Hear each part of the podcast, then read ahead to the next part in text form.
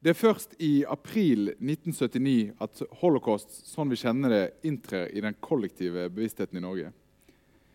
Ikke fordi det ikke fantes informasjon om holocaust tidligere, ikke fordi det tidligere var tida i hæl, og heller ikke fordi ingen hadde prøvd å fortelle om det tidligere.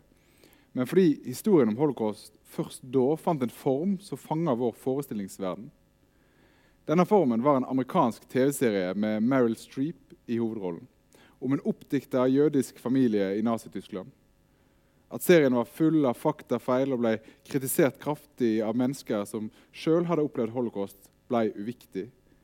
Fortellingene våre åpner opp verden, og lyger blir en måte å snakke sant på.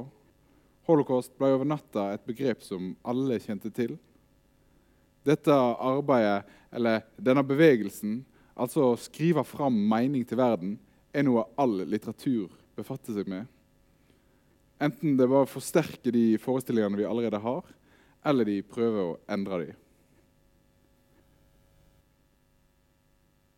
I forrige utgave av Lyrikksalongen snakka vi om Raúl Sorita som, og Pedro Camona Alvarez, som har oversatt han til norsk, fortalte om hvordan historien om ofrene etter militærdiktaturet i Chile gradvis har erstatta den historien som diktaturet sjøl ville fortelle og at dette har skjedd bl.a. ved hjelp av Suritas poesi og annen litteratur.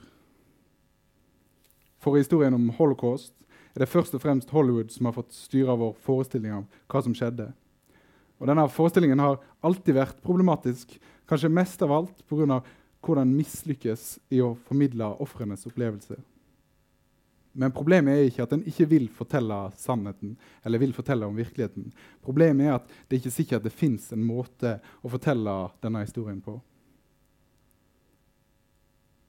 Dagens lyrikksalong skal handle om Paul Celan, som er hylla nettopp for å ha språkliggjort jødenes opplevelse i Europa under krigen. Og på baksida av årets nyutgivelse av Celans utvalgte dikt på norsk, som kom i anledning hans 100-årsjubileum, står det at Celan unngikk å estetisere lidelsen av holocaust og skapte en lysende, konsentrert poesi som alltid står i de fremmedes tegn. Hva det betyr, og hvem Celan egentlig var, og hva Celans poesi kan bety for oss i dag, er det vi skal prøve å finne ut av i løpet av den neste timen.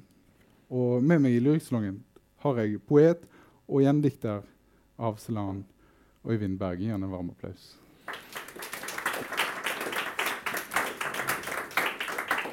Mange takk. Og takk for at du ville være her. Selvfølgelig. Det er en glede å komme til Bergen alltid. Og på en sånn høst, sommerlig høstdag så er det en ekstra glede. Og, ja, det er sommerdag dette for oss. Altså. Ja, og med Celan, selvfølgelig. Og eh, aller først så, så, vil vi gjerne høre litt eh, Celan i din, i din gjendiktning? Ja. Og da tenkte jeg å dele det i to bolker. Jeg skal prøve å ikke si så mye, men å lese. Jeg starter da selvfølgelig med tidlige dikt. Korona. Høsten eter løvet sitt av min hånd. Vi er venner. Vi knekker tiden fra nøttene lærer den gå. Tiden går inn igjen i skallet. I speilet er søndag. I drømmen soves det. Munnen snakker sant.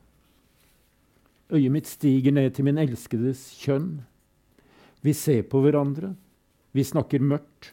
Vi elsker hverandre som minne og valmue. Vi sover som vin i skjell, som havet i månens blodskinn. Vi tar rundt hverandre i vinduet, de ser oss fra gata. Det er på tide man vet. Det er på tide at steinen gir seg til å blomstre. At uroen slås av et hjerte. Det er på tide. Det blir tid. Det er på tide. Det diktet står i den første boka som heter Dvs. si den første boka som som han ikke trakk tilbake, som heter 'Valmue og minne', som ble utgitt i 1952. Og det står der rett før det kjente dødsfuget. Og sånn står det også her. Og selv om dødsfuget er litt langt, så bør jeg nok lese det også. Svart daggrymelk. Vi drikker den til kvelds. Vi drikker til, til, middag og morgen. Vi drikker den om natta. Vi drikker og drikker. Vi graver en grav i lufta. Det er ikke trangt der. En mann bor i huset, han leker med slanger, han skriver. Han skriver det mørkner i Tyskland, ditt gylne hår, Margarete. Han skriver og går ut av huset, og stjernene funkler. Han plystrer på bikkjene sine. Han plystrer jødene fram, la oss grave en grav i jorda. Han befaler, spill opp nå, til dans. Svart dagremelk, vi drikker det om natta. Vi drikker det morgen og middag, vi drikker til kvelds, vi drikker og drikker. En mann bor i huset, han leker med slanger, han skriver. Han skriver, det mørkner i Tyskland, ditt gylne hår, Margarete. Ditt askegrå hår, sulamitt, vi graver en grav i lufta, det er ikke trangt der. Han roper, spa dypere, dere, og dere andre, syng nå og spill. Han griper til jernet i beltet han svinger det, blikket er blått. Stikk spadene dypere, dere, og dere andre, spill opp til mer dans. Svart dagligmelk, vi drikker deg om natta. Vi drikker til middag og morgen. Vi drikker deg til kvelds, vi drikker og drikker. En mann bor i huset, ditt gylne hår, Margarete. Ditt askegrå hår, Sulamitt. Han leker med slanger.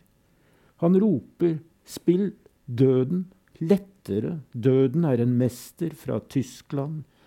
Han roper, stryk strengene mørkt og stig opp i lufta som røyk, så får dere grav i en sky. Det er ikke trangt der.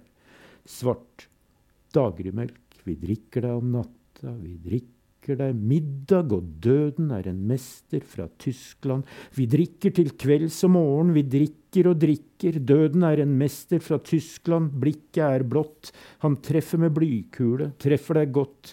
En mann bor i huset, ditt gylne hår, Margarete, han hisser hundene på oss, han gir oss en grav i lufta, han leker med slanger og drømmer at døden er en mester fra Tyskland, ditt gylne hår, Margarete ditt askegrå hår, Sulamitt.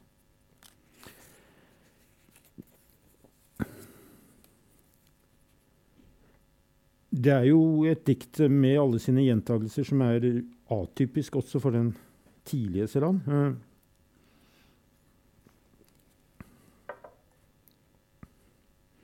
her er et som er mer typisk. Det heter brennemerket.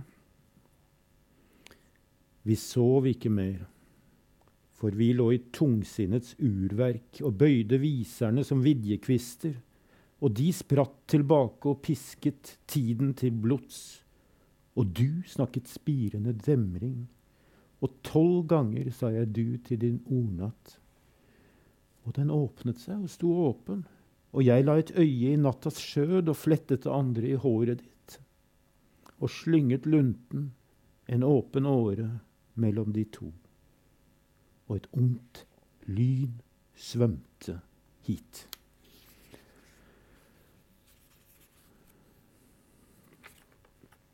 Jeg tenkte å lese siste diktet fra den boka også.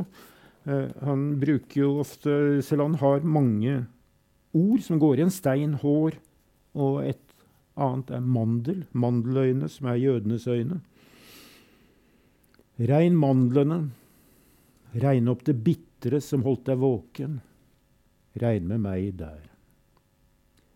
Jeg lette opp øyet du åpnet da ingen så deg. Jeg spant den fordekte tråden som dogget du tenkte rant langs, ned i krukkene, voktet av munnhell som ikke traff noe hjerte. Først der tro du helt ut i navnet ditt gikk du med stødige skritt til deg selv, svingte hamrene fritt i din stilltidde klokkestol, sang det du lyttet til gjennom deg, la det døde en arm om deg også, og dere tre gikk gjennom kvelden. Gjør meg bitter, regn meg med mandlene.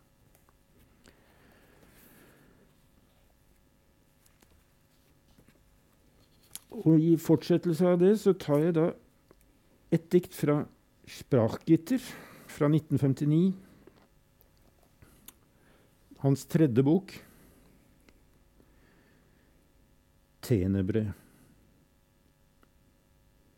Vi er nær Herre, nære og gripbare. Alt grepet, Herre, klort sammen som var hver enkelt kropp din kropp, Herre. Be, Herre, be til oss, vi er nær. Vindskeive gikk vi bort, gikk vi bort for å bøye oss til pøl og pøs. Vi gikk for å drikke, Herre. Det var blod. Det var det du utgjød, Herre. Det glitret. Det kastet ditt bilde i synet vårt, Herre.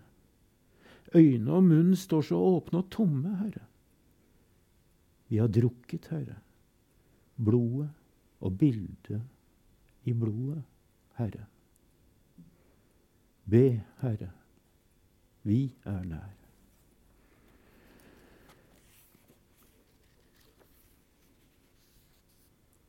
Jeg vet selvfølgelig ikke hvor godt dere kjenner til Celan, men man deler hans forfatterskap ofte i to, med den tidlige og den seine Celan. Og da får man disse to bøkene som er Sprachgitter, og, altså Språkgitter, og Niemannsrose, Ingemannsrosen, fra 1959 og 1963. De faller imellom inndelingene. Så de blir ikke med, på en måte. Uh, vi har den tidlige og den seine, og så har vi en mellomperiode som man ikke snakker om. Eh, så jeg bare nevner det her nå, fordi jeg tenker også å gå videre. Men jeg skal ta ett dikt fra De nimannsråse.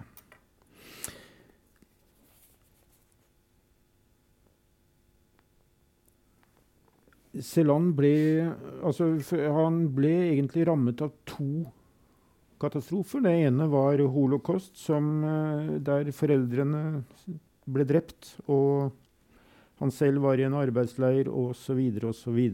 Eh, den andre var den store kampanjen som ble drevet mot han fra Yvan Golls enke, som var en eh, eh, Han ble beskyldt for plagiat, rett og slett. Urettferdig, urettmessig. Dette diktet er et svar på det. Han hadde fått en henvendelse fra en professor eh, ved Det tyske akademi for språk og litteratur om å gjøre rede for sitt liv og sine litterære påvirkninger. Og Paul Celan han visste jo da at denne professoren var tidligere NS-medlem osv. Så, videre, og så, videre. så I ut, et av utkastene til, uh, til svarbrev så skrev han det at 'jeg har jo ikke spurt dem om deres liv og påvirkninger'. Uh, men uh, han sendte aldri det brevet. Han sendte et høflig brev, og så skrev han dette diktet. Som heter 'En tjurad og kjeltringvise', sunget i Paris en pré Pontois av Paul Celan fra Tsjernowitz ved Sadagora. Mora hans kom fra Sadagora. Den gang det fantes galger, da var det et oven, ikke sant? Hvor er skjegget mitt, vind? Hvor er jødeflekken min? Hvor er skjegget du rusker i? Kroket var veien jeg gikk. Den var kroket, ja. Siden ja, den var rett. Hurra! Kroket, så får jeg kroknese nese. Så dro vi også til Friavl. Der hadde vi, der hadde vi for mandeltreet blomstret. Mandeltre, trandel med. Det er Osip Mandelstam, den eh, russisk-jødiske dikteren, han eh, leker med, eller spinner på her. Mandelkve, kvandel med. Og einebærbusken au. Bærbusken. Hurra, au. Envoy. Men, men treet opptrer jo. Det, også det, står mot pesten.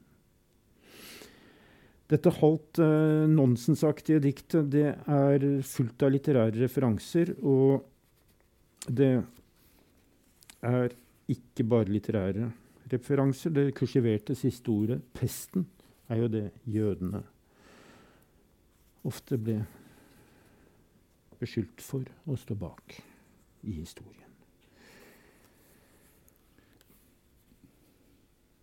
Øyvind, Mhm. du eh, ba meg egentlig eh, jeg var Sikkert fordi du visste at du kom til å bli litt engasjert når du leste om å gi beskjed når du Mhm. lest ti minutter. Mhm. Men eh, jeg skal, jeg skal være helt ærlig, syns jeg du kan få lov å lese videre det du har planlagt nå i begynnelsen. For det er veldig fint å både høre deg lese og, og fortelle. fortelle så. Jeg tar bare lite grann fra det vi kan si er begynnelsen på uh, den seine Selan. eh, i vei. som er uh, atemvende, pustevending, 1967. Komboka, disse diktene er da skrevet eh, et par år før. Ofte mens han var eh, innlagt på psykiatrisk. Du kan trygt traktere meg med snø når jeg gikk skulder ved skulder med morbærtreet gjennom sommeren, skrek det yngste bladet.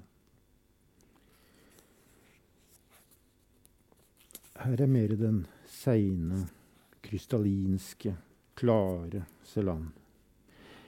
I elvene nord for framtiden kaster jeg garnet som du nølende tygger med skygger skrevet av steiner.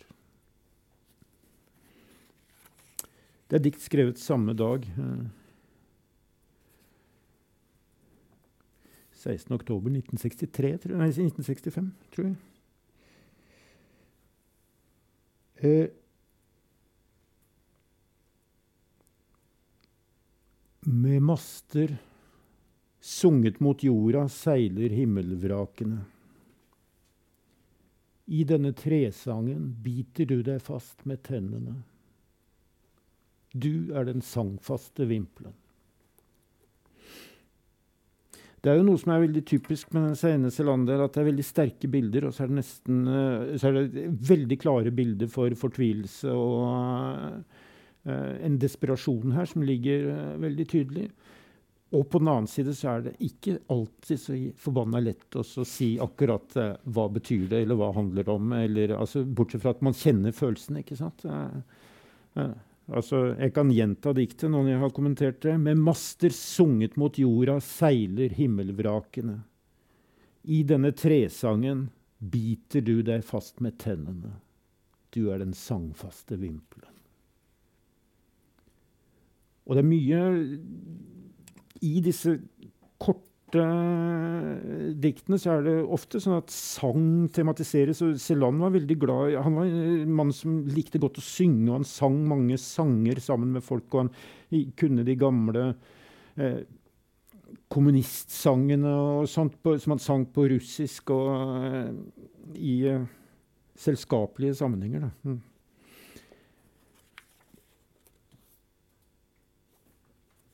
Tar et til. Tråsoler over det gråsvarte ødet. En trehøy tanke griper lystonen. Det fins ennå sanger å synge hinsides mennesket.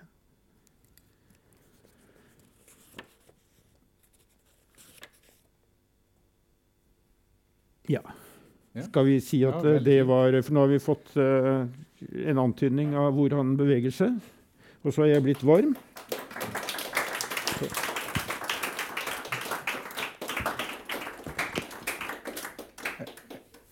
Jeg syns det, eh, det, det er veldig fint å, å høre deg og lese, og, og, og høre hvor mye, hvor mye ting, hvor mye du kan, og at du, du deler den kunnskapen du har, men òg åpenbart hvor mye du har investert i dette, og hvor mye det betyr for deg.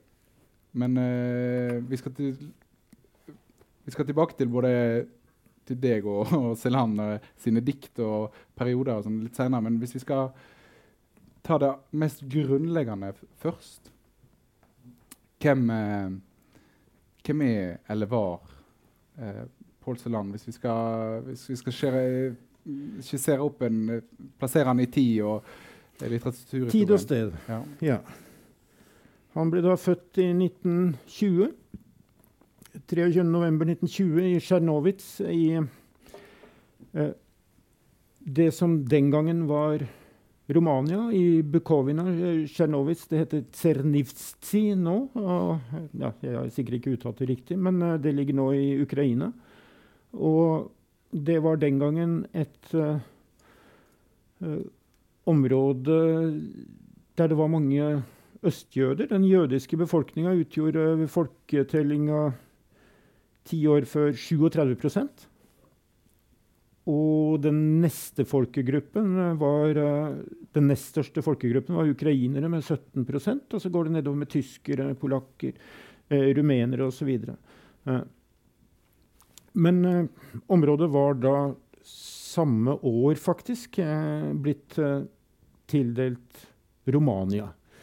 Eh, etter første verdenskrig. Så han var altså født som rumener i dette området. Og han snakka jo da også rumensk, selvfølgelig, men hans morsmål var tysk.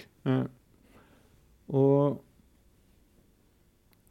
det var den tyske det, Tyskspråklige jødiske befolkninga var uh, kulturbærerne der på mange måter.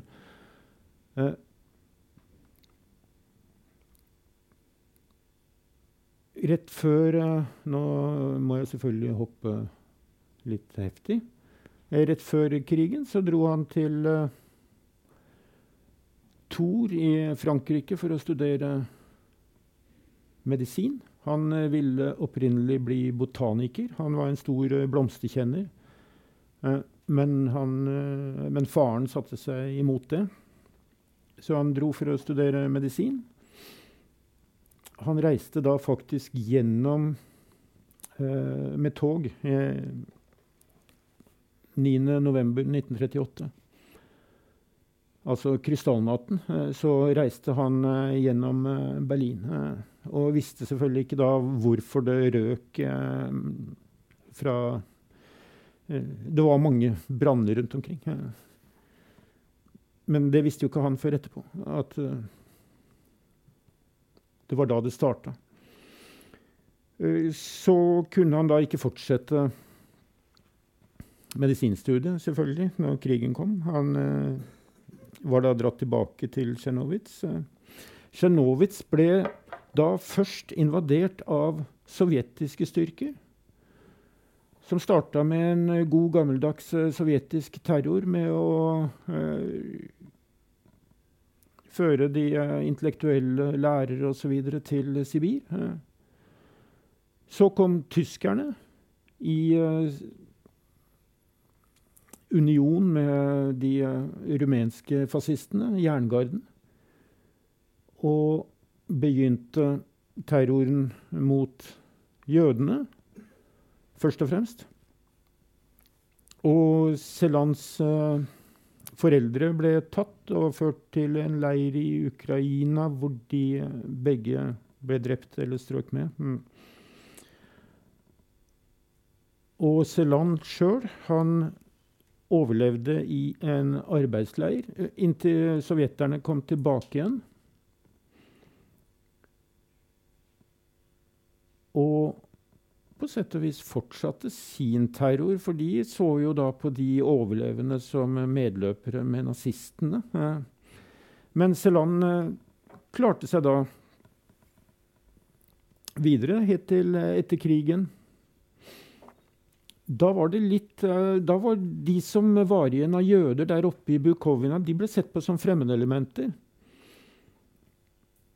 For nå skulle dette romaniseres, dette området. Eh, og det var jo ikke så mange jøder igjen, så de var jo egentlig fremdelementer blant eh, det som var igjen av befolkninga. Eh, så han fikk reisepass og fikk lov til å reise til Bucuresti.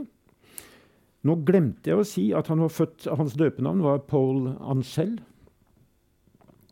Og da han kom til Bucuresti, så ville han da begynne å livnære seg som oversetter først. Han hadde jo da lært seg russisk, eh, blant annet. Eh, og det var litt vanskelig å Altså Romania var jo kjent for sin antisemittisme. Det, altså, det, var den, det, det rumenske intellektuelle miljøet med Mircea Eliad og disse her, de var jo antisemitter alle sammen. Uh, så etter krigen så fant han seg da Så lagde han et uh, Snudde litt på navnet sitt og gjorde det om til Seland i stedet, så det ikke skulle høres så jødisk ut. Uh, for å få oversetterjobber, rett og slett. Og da bodde han der fram til 1947. Eh, Seint på høsten 1947 så fant han da i tide ut at det var på tide å komme seg vekk derfra.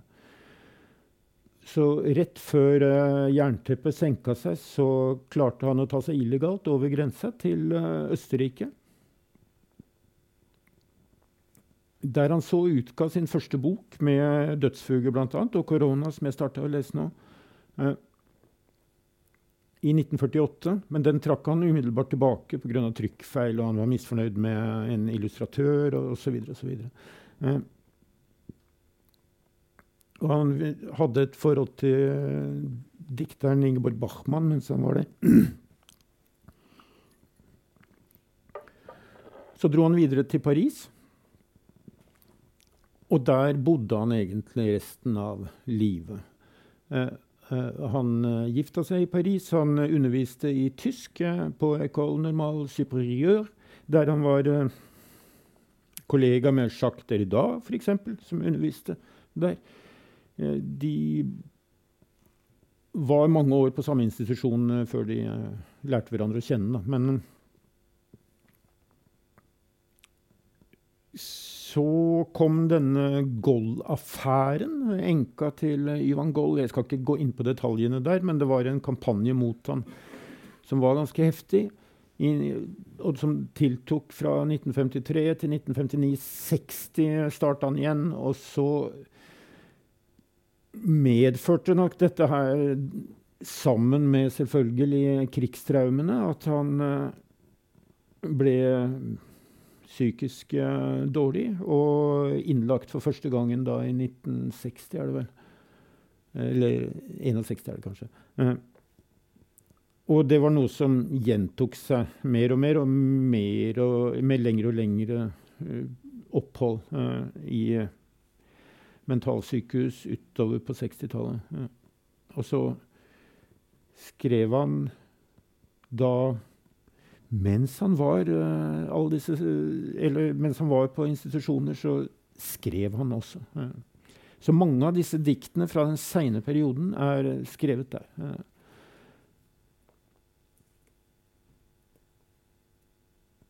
Og han tok sitt liv i uh, han, drukna seg i scenen eh, 20.4.1970. Ja. 49 år gammel. Og da hadde han uh, utgitt uh, seks diktsamlinger, så kom det tre posthumt. Og pluss noen taler og en liten fortelling. Og det er vel ja, det viktigste av forfatterskapet. Ja. Jeg syns det var ve veldig grundig. men kan du, kan du, si noe om eh, hans posisjon som eh, poet eh, eh mens han levde? Altså er han eh, Får han anerkjennelse med en gang han debuterer, eller hvordan er han slo egentlig ganske godt igjennom allerede med den første boka. Den gikk i flere opplag, eh, men den møtte også kritikk av en type som uh, såra han veldig. Uh, så uh, Men det var en suksess. de første bøkene Men han ble også kritisert. det var folk som mente at Dødsfuget f.eks. var surrealistisk og vanskelig å forstå. Han var jo surrealistisk inspirert, ikke sant? Og han var medlem av en surrealistgruppe i Bucuresti mens han uh, var der også. Wien-kunstnerne som han uh, kjente, var surrealister da i 48. Uh, men når noen avskrev dødsfuge, f.eks., som surrealisme, så ble han selvfølgelig veldig såra. Og det var også en kritiker, Gunther Bløcker, som var en toneangivende kritiker på 50-, og 60- og 70-tallet, eh, som skrev i 1959 at eh, dødsfuge det er sånne fingerøvelser. Eh,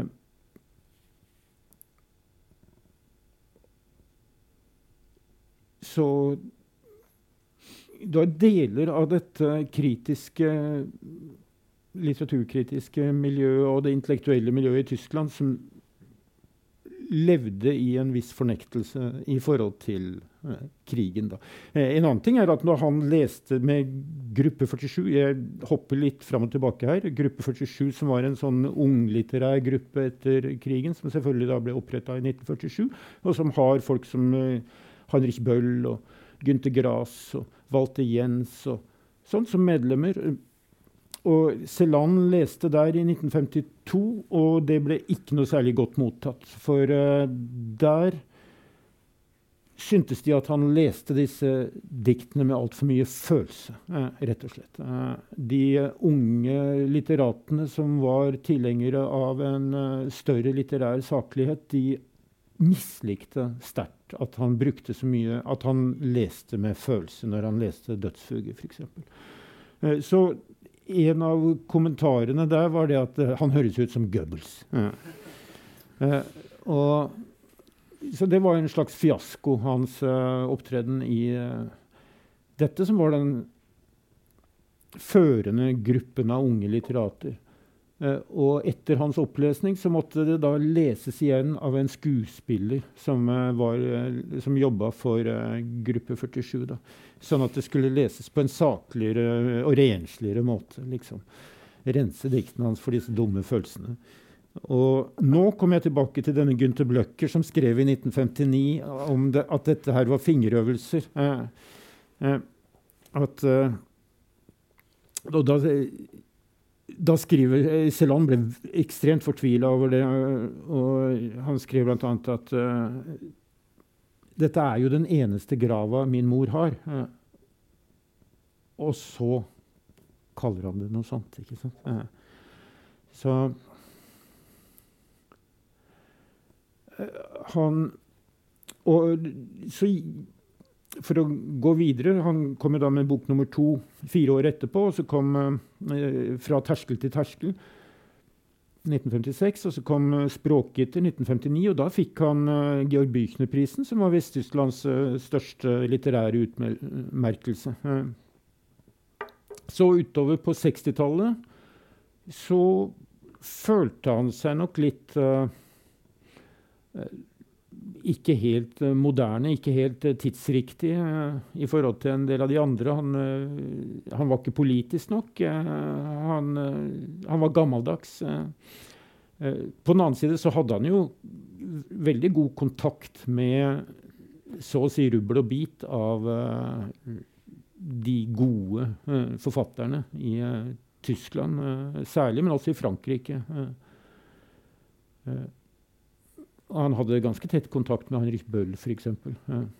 Det er jo sånn at uh, det er jo helt uh, Eller si, en vanlig innsigelse mot Selans dikt er jo nettopp det som At det er litt uh, vanskelig å trenge igjennom. Og kanskje spesielt den tidlige perioden der det, det som du sier, veldig inspirert av surrealisme.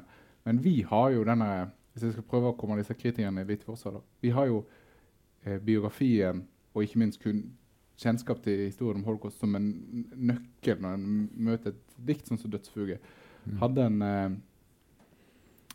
altså, hadde en i den gangen Var disse diktene og, og Paul historie eh, Jeg skal prøve å formulere spørsmålet riktig. her. Altså, blir, altså blir, er, er, denne hol holocaust og Paul Celan-koblingen eh, er den til stede allerede den gangen?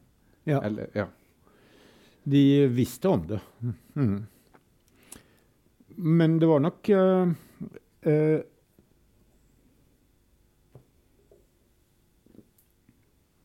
Litt forskjellig uh, hvor mye man ønsket å ta hensyn til det man visste.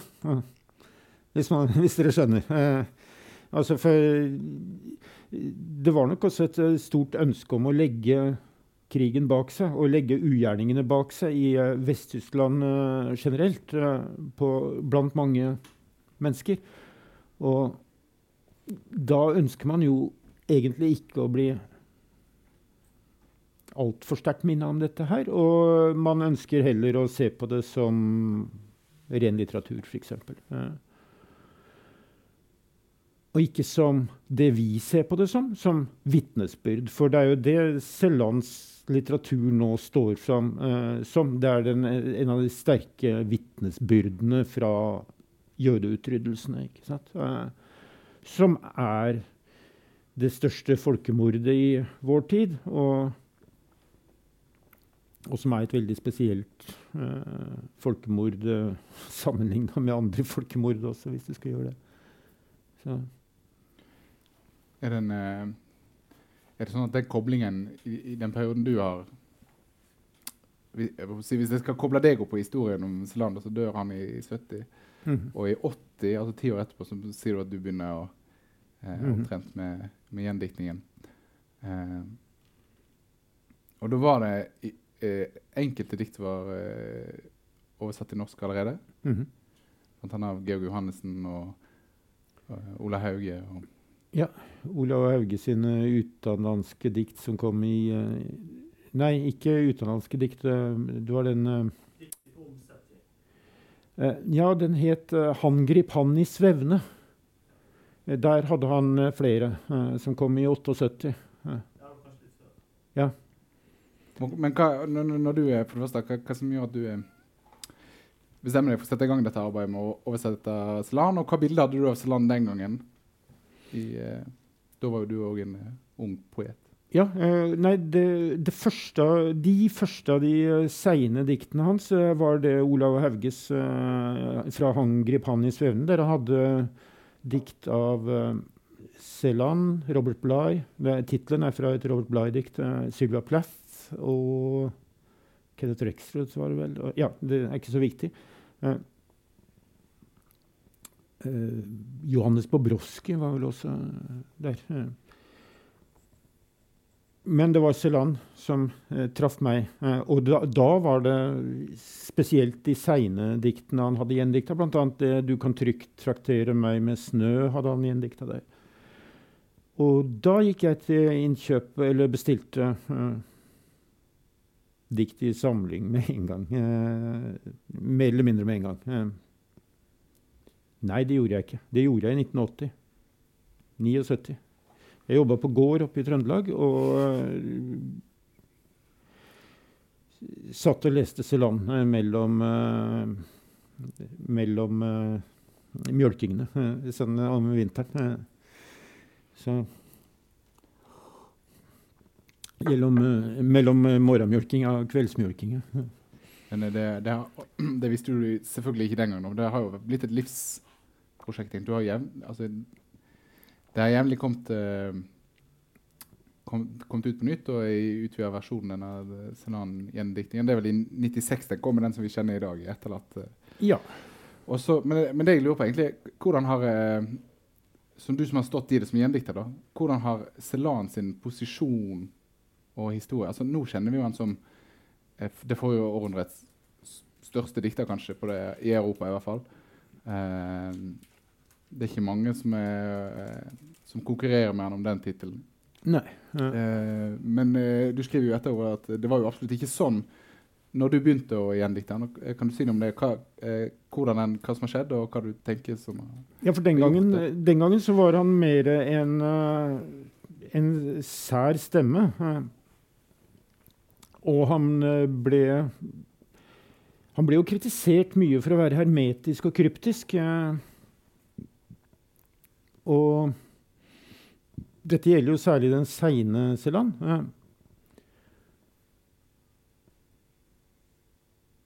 Men i løpet av uh, de siste 30 åra så har det jo kommet veldig gode bøker av veldig gode uh, dikttolkere. Det begynner med Peter Sondi. Så kommer uh, Hans Georg Gadamer, så kommer det en remse med Derrida og rubbel og bit. som har skrevet sentrale tekster om Celan. Og fordi de står der det er, det er ingen annen uh, poet i etterkrigstida som har fått så sterke uttolkere som det Celan har fått. Og noen av uh, setningene hans, uttrykkene hans eh, Dikt som jeg har tatt med her for første gang, er det 'Askeglorie'. Det tok jeg med nå fordi det slutter med tre linjer. Ingen vitner for vitne. Som er et av de mest siterte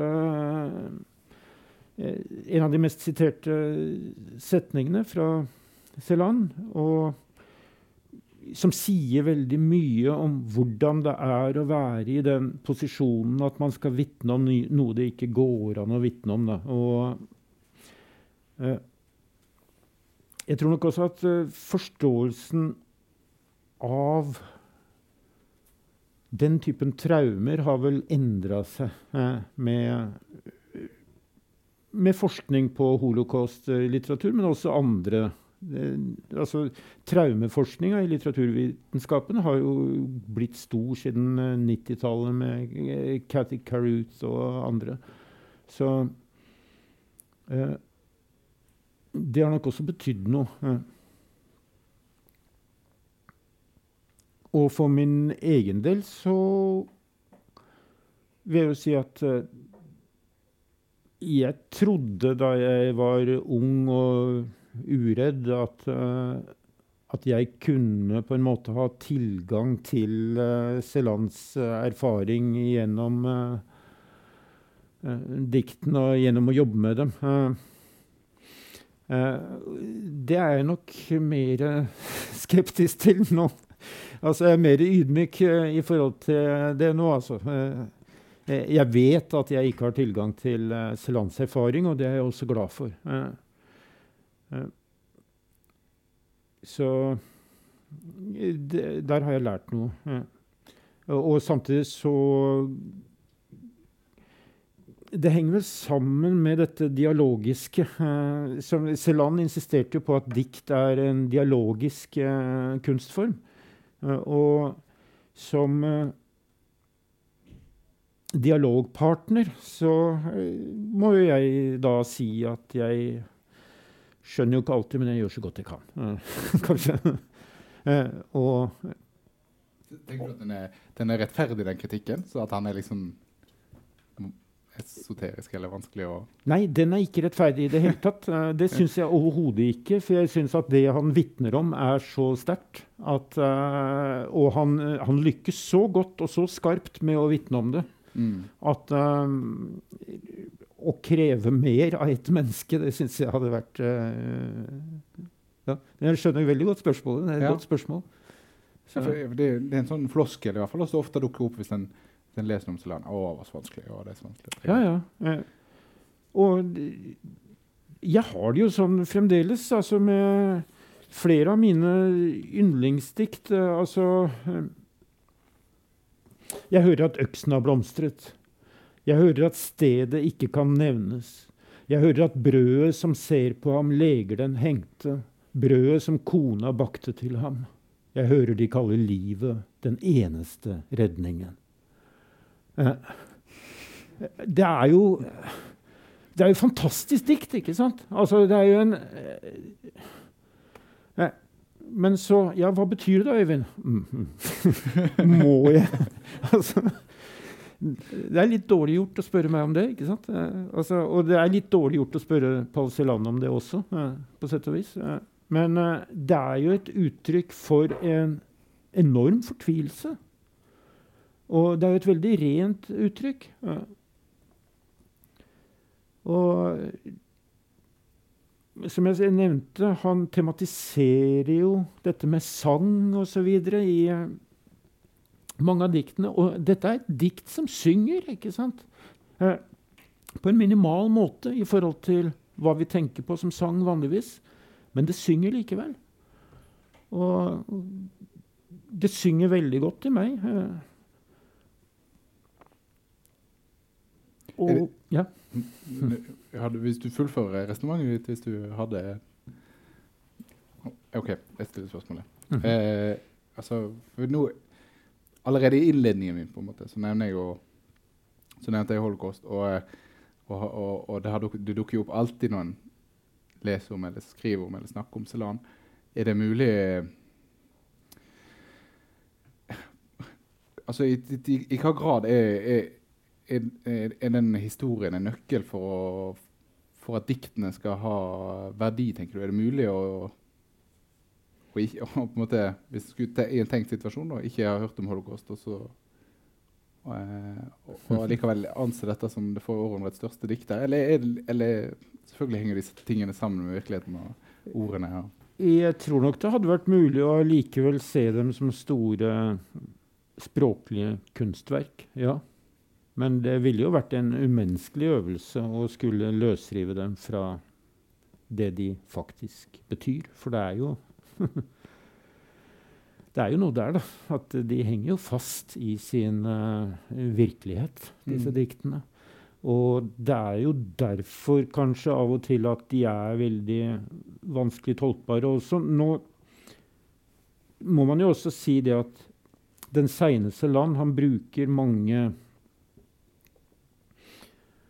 ord og uttrykk, faguttrykk fra mange forskjellige områder. ikke sant? Fra geologi, fra selvfølgelig botanikken, som han uh, kan ut og inn, uh, fysikk, uh, men også fra forskjellige avisartikler som han leser.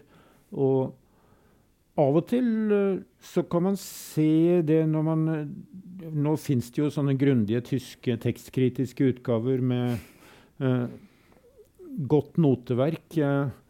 og siden Celan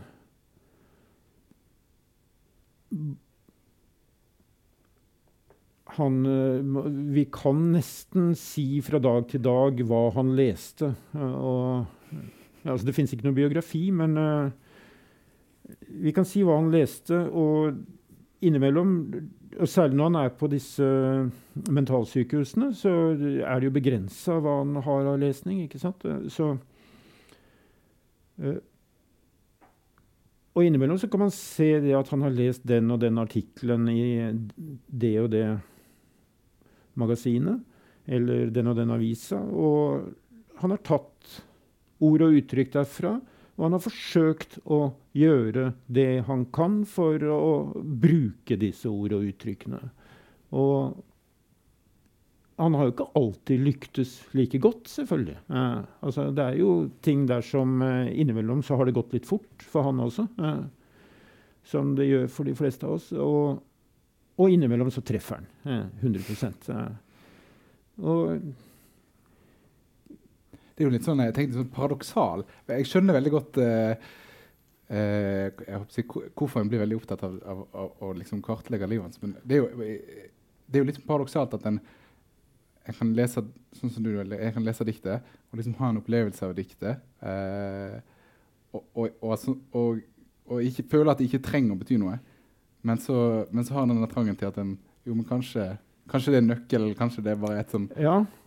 Men i, uh, altså For nå har jo jeg forsynt uh, disse diktene her i denne utgaven med sånne merknader til uh, hvert dikt. og der har jeg vært litt tilbakeholdende med, gi, med å viderebringe den typen, altså, den typen opplysninger, stort sett.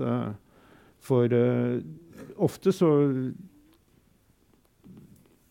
så så, vil de styre tolkninga litt feil, føler jeg. da. Mm. Det kan selvfølgelig diskuteres, men uh, jeg syns uh, ofte at det er noe man ikke trenger å vite. Ja. Nå er vi, vi nærmer oss uh, slutten her. Du skal få lese her mot slutten òg. Men jeg bare jeg lurer på Kan vi Det er kanskje, kanskje et urettferdig spørsmål mot deg, men kan du se Celans innflytelse i norsk poesi? Kan vi liksom, vi skal trekke han hjem og har han sine disipliner i Norge, disipler i Norge? Ja, ja, det har han jo. Eh, men eh, da jeg begynte å skrive Jeg begynte jo å skrive på alvor omtrent på samme tid da jeg begynte å oversette Celan. land. og det var jo da Tor Ulven kom med sin bok nummer to og tre, 'Etter oss tegn og forsvinningspunkt'. Og det er jo veldig klare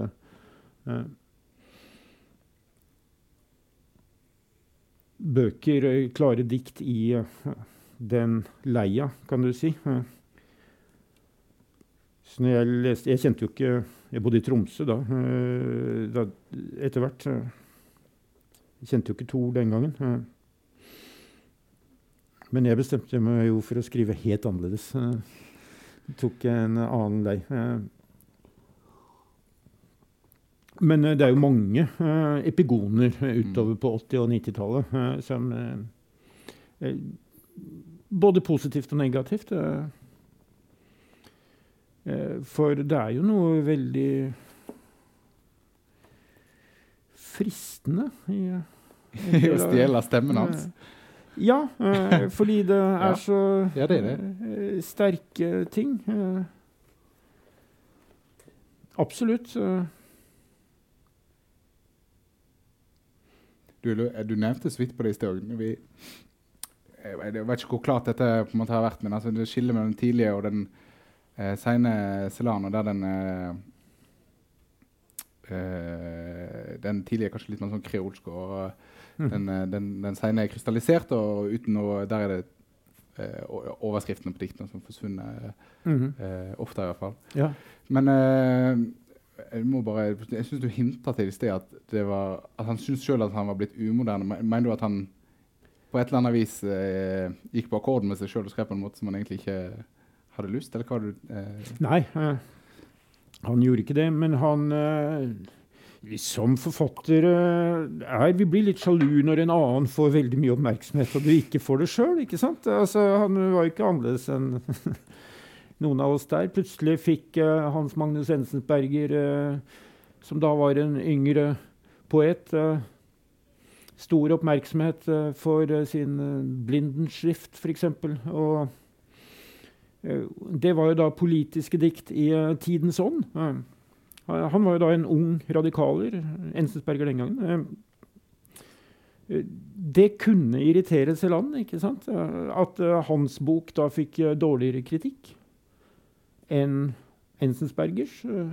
Og det er veldig lett å forstå i dag, eh, når vi ser det at eh, Ensensbergers dikt den gangen er ganske prega av tida og har falma godt i mellomtida, mens Celans står klart. Jeg tenkte nå, Vi skal fortsette å prate litt, altså, men jeg tenkte også bare ta et eksempel på hva som kan skje når man får vite sammenhengen. For det er et dikt her. Et drønn. Det er sannheten selv som trår ned blant menneskene, midt i metaforfokket. Og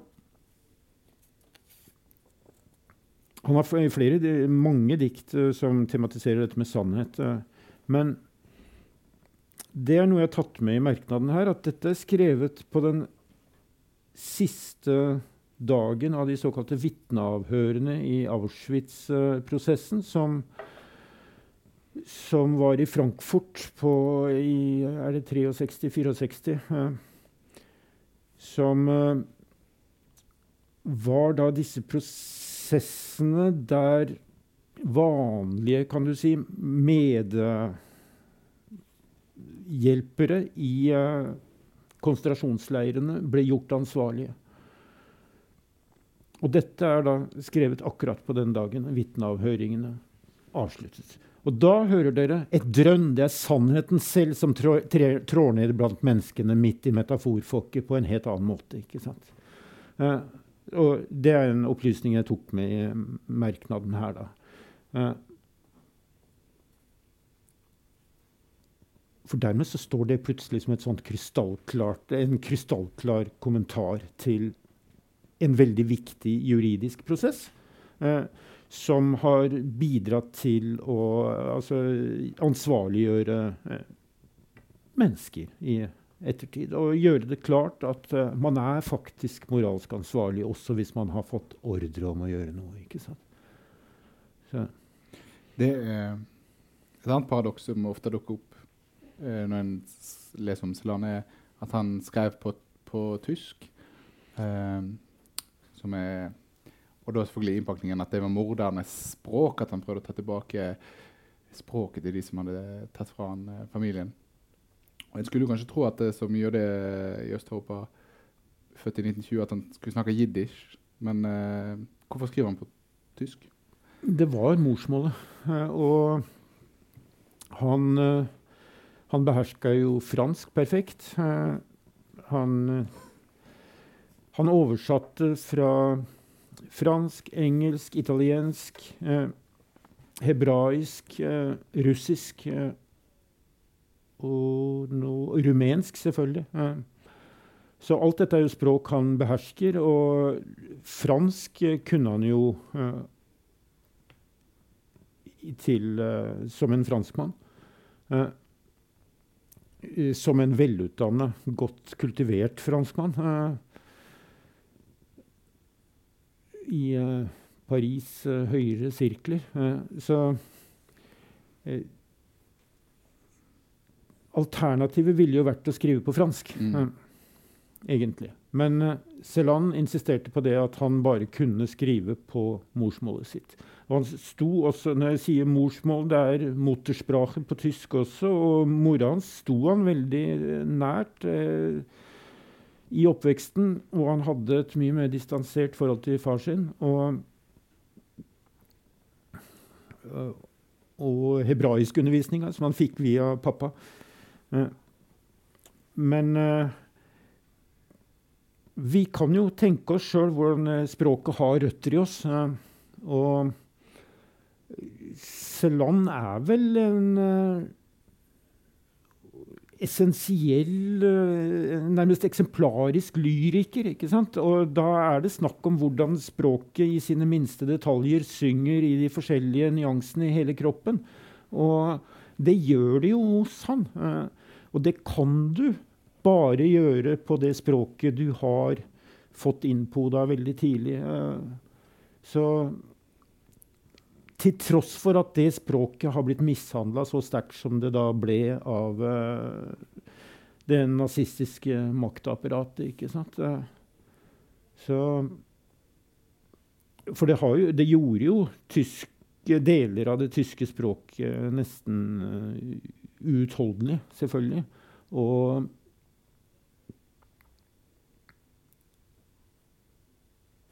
han bodde jo, bortsett fra lille, det lille halvåret, eller mellom et halvt og et år, nå husker jeg ikke helt, eh, som han bodde i Wien, så bodde han jo aldri i et tyskspråklig land, ikke sant? Og han du Jeg kan fortelle anekdote om eh, første gangen han møtte Nelly Sachs, eh, som også var en jødisk eh, dikter, litt eldre. Men som da bodde i eksil i Stockholm. Og hun fikk en pris, en tysk uh, litteraturpris. Og for å motta den, så reiste hun da til Zürich. Og så kunne hun reise over uh, uh, sjøen til denne tyske byen og så motta prisen, og så tilbake igjen. For hun orka ikke å være å overnatte i Tyskland. Eh, Da var hun redd for at det skulle forsterke hennes eh, hallusinasjoner, eh, som hun led av. Og da møtte hun Celan, dro da fra Paris til Zürich og traff henne der og skrev et dikt om henne. Eller om møtet. For så det er klart at det, smerten ved det tyske språket har jo vært til stede i uh, disse menneskene. Mm. Ja, på en ganske ja, På en måte vi ja. Vi har sikkert litt vondt uh, i forhold til morsmål og dialekter, alle sammen, men uh, det er nok litt mer enn Men han vurderte aldri å, å ta tilbake det jødiske navnet sitt? Angel? Nei. Ikke som jeg vet om, i hvert fall. Nei. Nei. Altså å gå tilbake til Angel? Nei, det tror jeg ikke. Nei, bare i og med at han Nei. ja, det er noe å tenke på. Kanskje vi skal avslutte der, og så avslutte med noen dikt? Ja, øh, skal vi se. Da har jeg satt noen uh, merkelapper her, i hvert fall. Uh,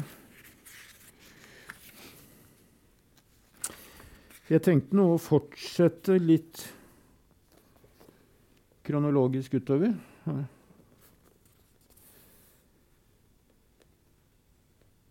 Innhimlet i pestlaken på et avnattet sted.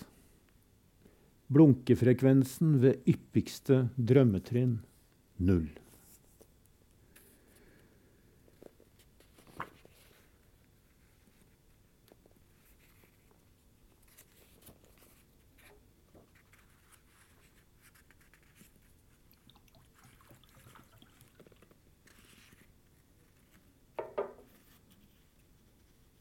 De vrakede tabuene og grensekryssingen mellom dem, verdensvåt på betydningsjakt, på betydningsflukt.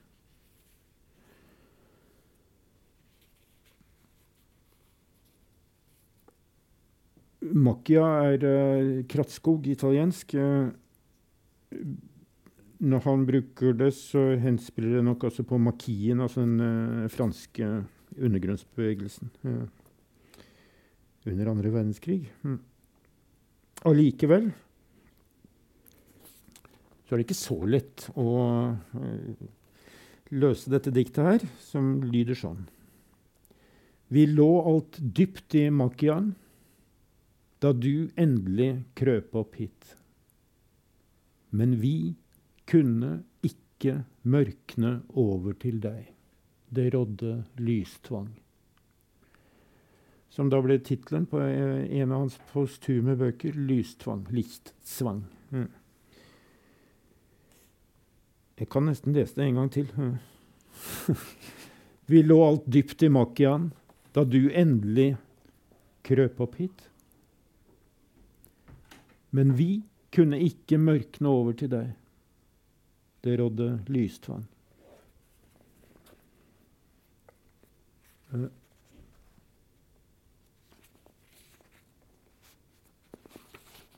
Det der leste jeg utenat i stad, så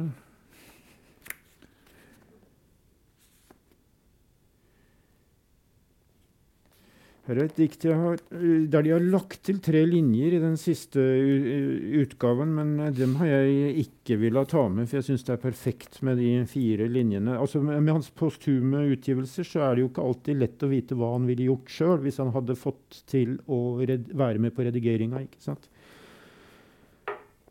Men dette er fire linjer. Du kaster gull etter meg som drukner. Kanskje en fisk lar seg bestikke. Jeg syns det er perfekt sånn. eh, det kan jo hende det er noen spørsmål fra noen i salen også. Er det åpent for det, eller? Eh, ja, altså nå er vi, vi, har vel egentlig brukt for timen. hvis det, vi kan ja. ta en kjapp runde hvis det er noen spørsmål. Også, hvis det er det, så la meg gjerne gjenta spørsmålet, sånn at vi får det på opptak for de som skal høre det et, etterpå. Ja. Ja, eh, hvis jeg bare får, får gjenta spørsmålet først, så, eh, ja. så er altså, Det er bra enighet, om at krigstraumene har, har påvirka Pålslands skrift. Men eh, er det kanskje en, en, feillesning eller bare en av flere mulige lesninger? For der han var òg eh, prega av svik i sitt liv. Blant annet at han eh, han var og Du kan gjenfortelle historien. ja, da, han, da foreldrene ble arrestert, eh, så holdt Selan seg borte. Uh, og han hadde jo også bedt uh, foreldrene om ikke å holde seg hjemme i helga da de ble arrestert. Men, og Celan var jo da hos en annen kvinne, som du sier. og at hans ekstra følsomhet for svik. Eh, at mye handler om det også. Det er det du mm -hmm. For uh, det er jo noe som helt riktig som går igjennom uh, hele hans liv, hans mange kvinnehistorier. Og den kvinnen Han hadde jo også et forhold til henne da han gifter seg, men hun er jo ikke den eneste som han hadde et forhold til på den tida. Det, det var jo mange. Og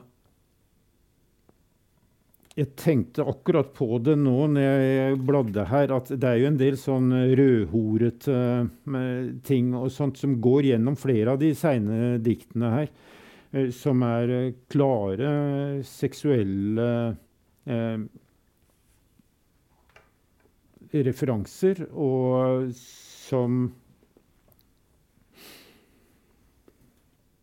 Det er en uh, skyldfølelse der som uh, er ganske påtrengende. Uh, og at det nok ikke bare er den overlevendes skyldfølelse, som vi er vant til å høre om i forhold til Eh, holocaust, eh, det er jeg absolutt med på. Eh, så kan man jo også lure på om alle disse kvinnehistoriene er en slags kompensasjon, selvfølgelig. Og en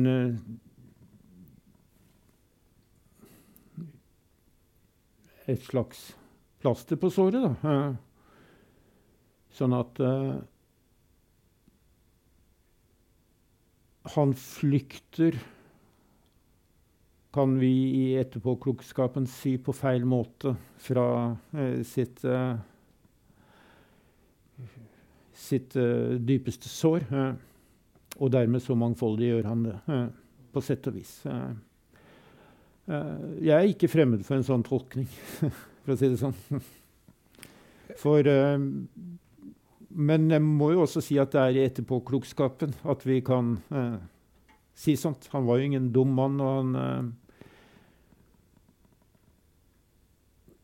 må jo på sett og vis ha visst hva han gjorde. Men eh, det er eh, til dels eh, foruroligende å lese en del av disse brevsamlingene osv. som har kommet med de forskjellige elskerinnene. Og, ja. jeg, jeg, tror ikke jeg så noen flere hender i været, så jeg tror at vi tar Selan-samtalene videre på, på, på utestedene utover kvelden eller hjemme i mange tusen hjem. Eh, tusen takk for at du ville komme hit, Øyvind Berg. Gi ham nok en gang en stor applaus. Mange takk.